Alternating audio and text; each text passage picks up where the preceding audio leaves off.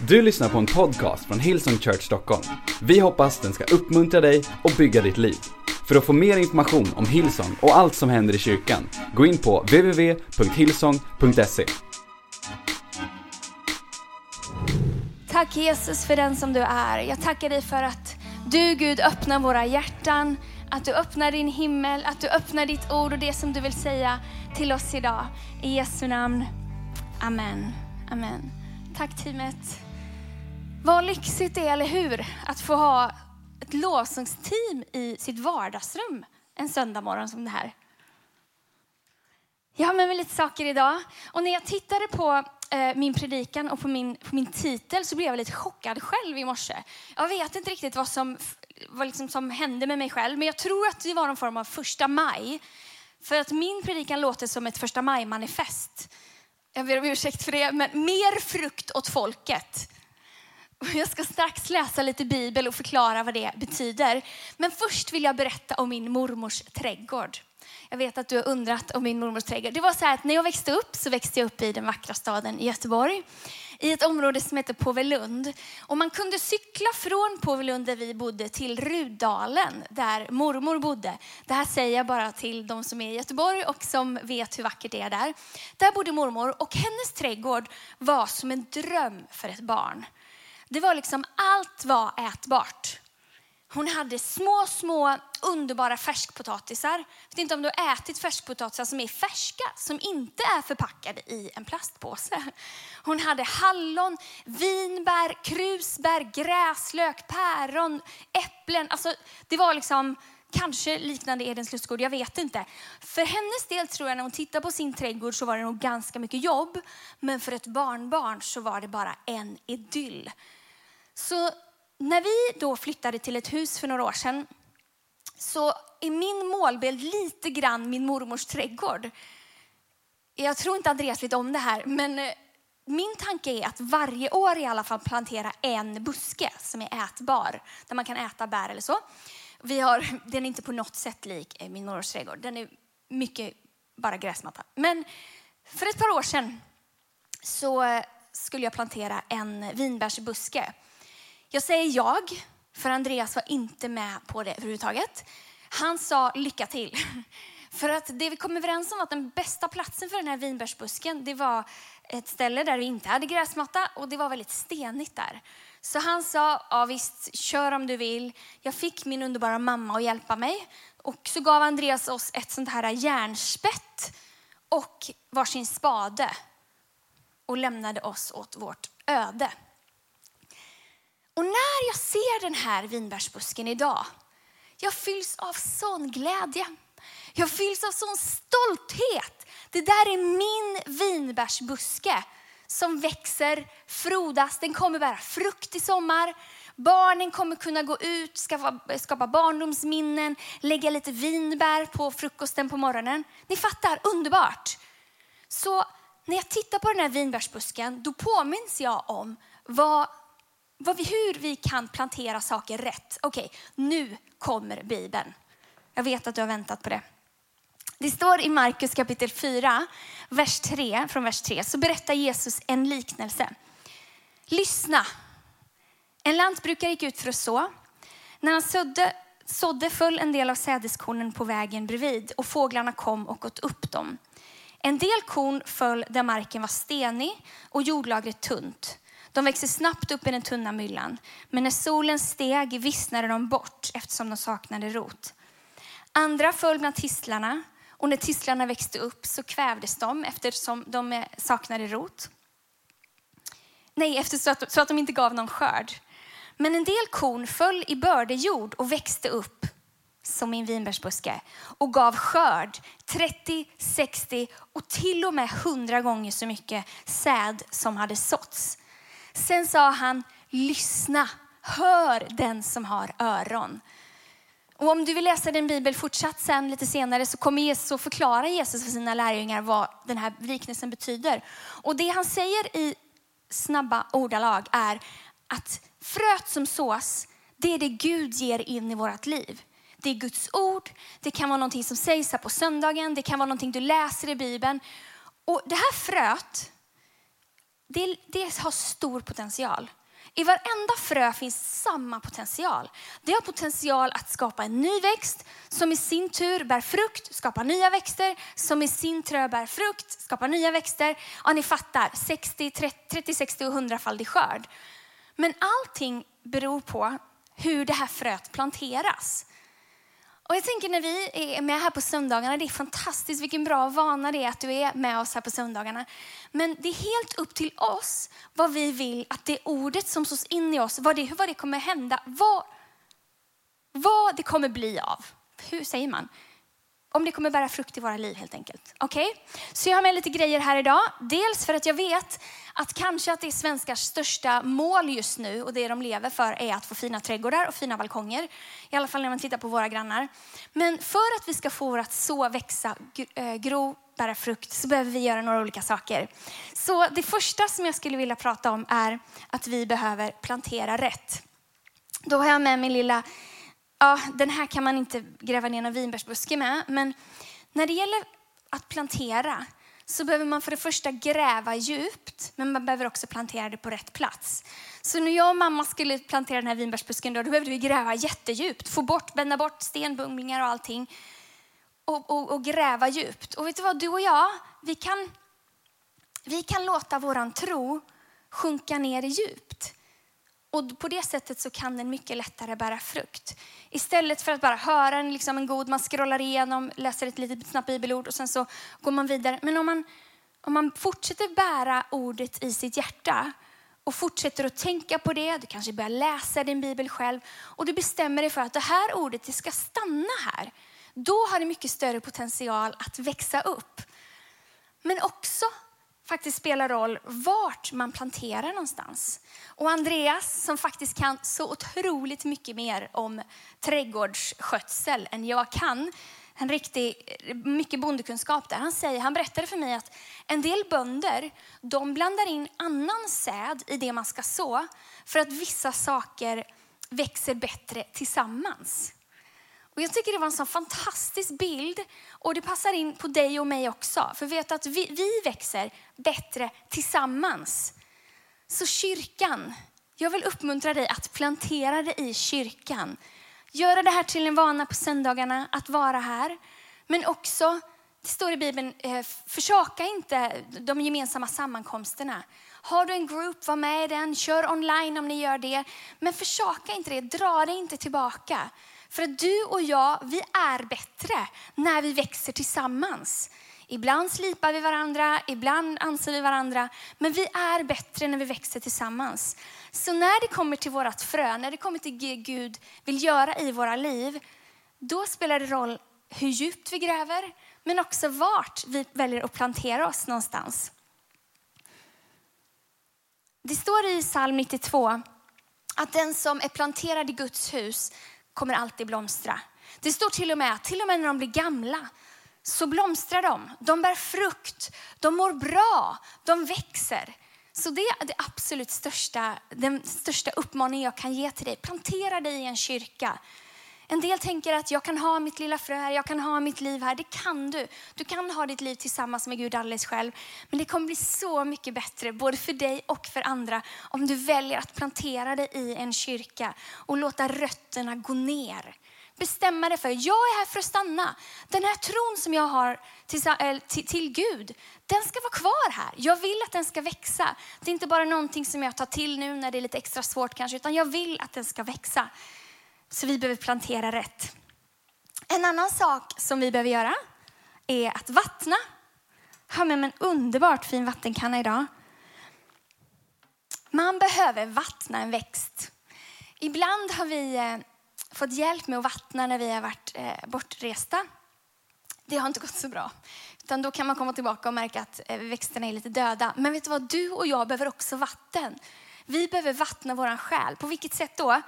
Jo, men Jesus, det står att han ställer sig upp och ropar i Johannes kapitel 7 och vers 37. Om någon är törstig, kom till mig och drick. Den som tror på mig, ur hans inre ska strömmar av levande vatten flyta fram, så som det står skrivet. Så vad säger Jesus? Han säger, kom till mig. Kom till mig och drick.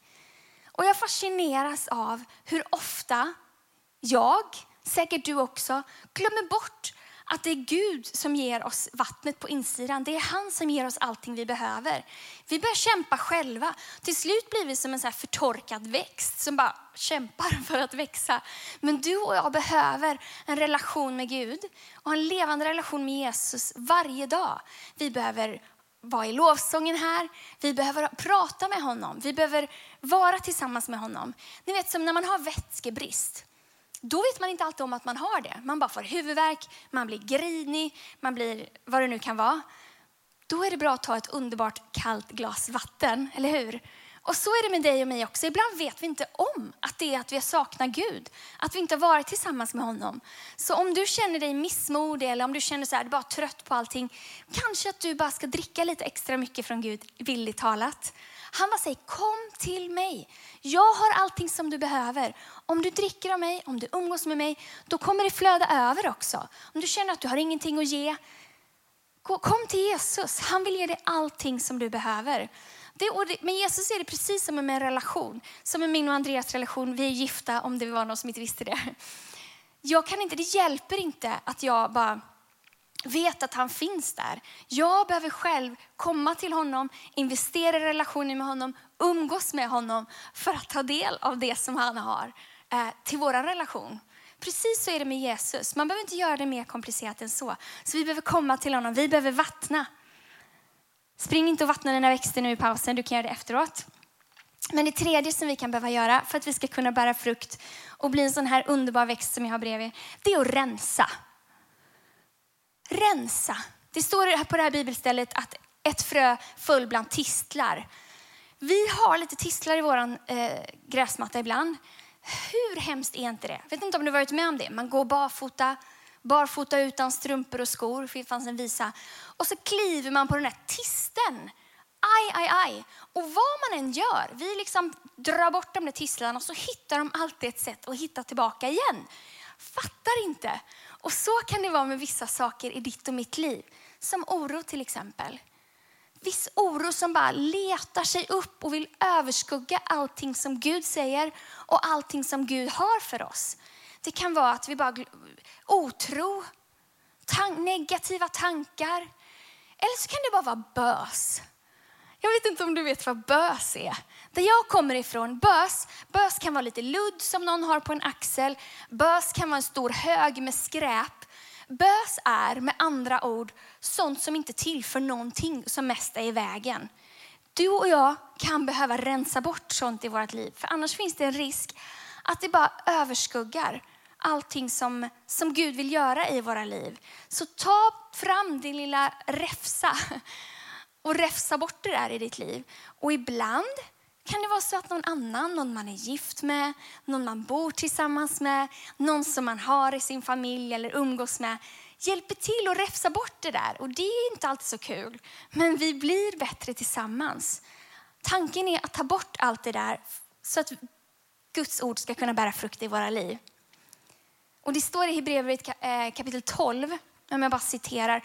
Han uppmanar oss, Paulus, att vi ska släppa allting som håller oss tillbaka. Allting som försöker snärja oss. Och det är det det handlar om. Vi behöver rensa i vårt liv. Jag vet inte vad du har i ditt liv som överskuggar sånt som kanske löften du har fått. Kanske när, någon, kanske när jag talar här så är det som en annan tanke hela tiden kommer. Men det där kan ju inte äh, gälla dig. Men det här då? Det här är alldeles för omöjligt. Det här kan inte Gud göra någonting åt. Så det där är ogräs. Det växer lätt upp. Jag vet det. Jag kan, det kan växa upp i mitt liv också. Men du behöver rensa bort det ta bort det och säga okej, okay, jag vill inte lyssna på det där. Gud har lovat, Guds ord är sant. Han har lovat att han ska ta hand om mig. Han har lovat att han ska försörja mig. Om du har blivit uppsagd, självklart är oro en naturlig respons för oss människor. Vi oroar oss för det som vi inte kan kontrollera. Men påminn dig själv då om att den Gud som gav dig ett jobb från första början, han kommer ta hand om dig nu också. Han kommer ta hand om dig, han kommer ge dig allt du behöver. Han har aldrig lämnat eller övergett dig hittills han kommer inte börja göra det nu. Så ibland behöver vi bara obarmhärtigt rensa bort det där ogräset. Och ibland, till och med när det är lite litet. För sen växer det upp och blir något hemskt ogräsmonster som vi inte vill ha i våra liv. Så vi behöver rensa.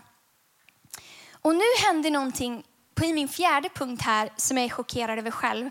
För jag är lite av en språknörd. Andreas fattar ingenting när jag pratar om det här, men jag har haft tre punkter som är verb.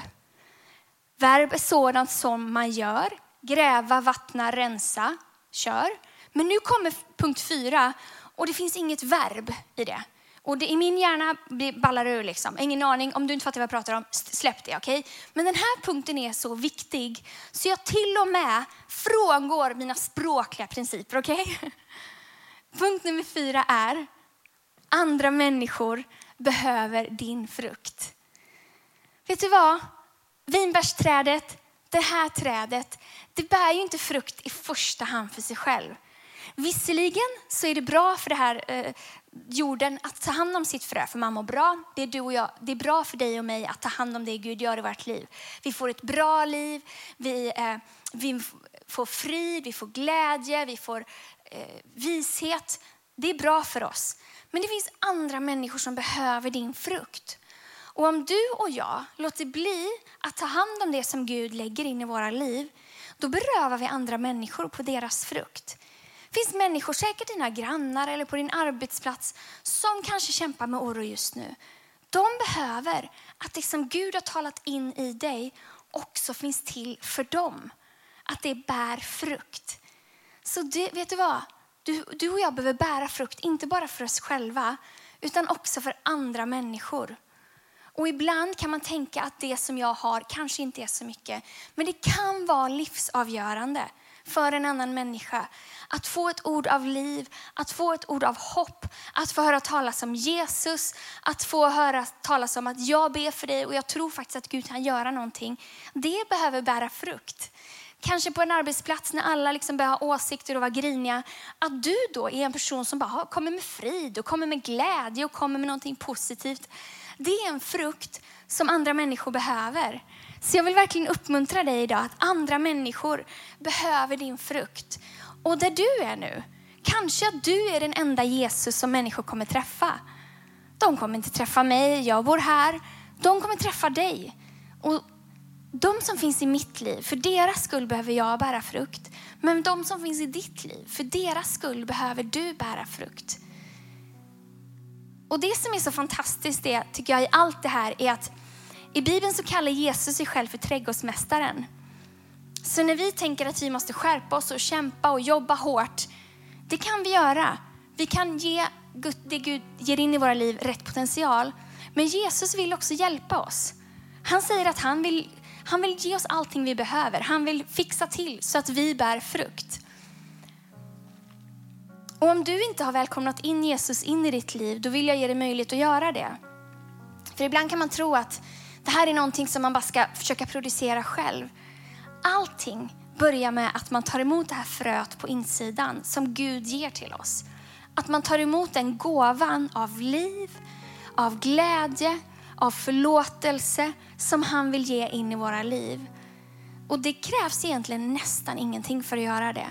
Det enda som krävs är att du öppnar upp ditt hjärta och säger det till Gud. Jag behöver dig. Jag vill ta emot det som du har för mig. Och sen så kommer han hjälpa dig.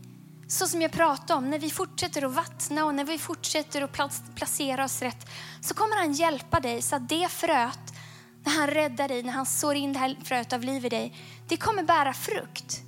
Så diskvalificera dig inte från att ta emot det som han vill ge till dig. Utan det finns möjlighet för dig här idag. Och så här över länken så vill jag bara erbjuda dig den gåvan. Gud har erbjudit det till mig, jag har tagit emot det. Det gör all skillnad i mitt liv. Om du aldrig någonsin har tagit emot eh, Gud in i ditt liv, eller om du kanske har gjort det och gått iväg av någon anledning. Vet du vad, jag bryr mig inte varför du har gjort det och Gud bryr sig inte heller varför. Han står med sina öppna armar och längtar efter att du ska komma tillbaka till honom. Så om du vill ta emot honom idag så är du så välkommen att göra det. Då kan du bara viska en tyst bön på din insida. Så kommer han till dig. Sen skulle jag också vilja leda dig i en bön. För ibland, ibland är det svårt att veta hur man ska be. Så om jag ber den här bönen så kan du be den tillsammans med mig i ditt vardagsrum där du är. Så kommer Gud helt villkorslöst komma till dig där du är, fylla ditt inre med frid, ge dig allting som du behöver och vilja vara en del av ditt liv. Amen. Tack Jesus för att du är här. Tack för att du välkomnar mig precis som den jag är. Tack för att du aldrig förebrår mig när jag inte kommer till dig. Tack för att du förlåter mig för allting som jag har gjort fel. Jag vill att du ska vara en del av mitt liv. Från och med idag så vill jag vandra med dig. Jag vill leva mitt liv med dig. Jag vill vara din. Och från och med idag så är du min. I Jesu namn. Amen. Du har lyssnat till en podcast från Hillsong Church Stockholm. Om du vill veta mer om vår kyrka eller om våra söndagsmöten, surfa in på www.hillsong.se.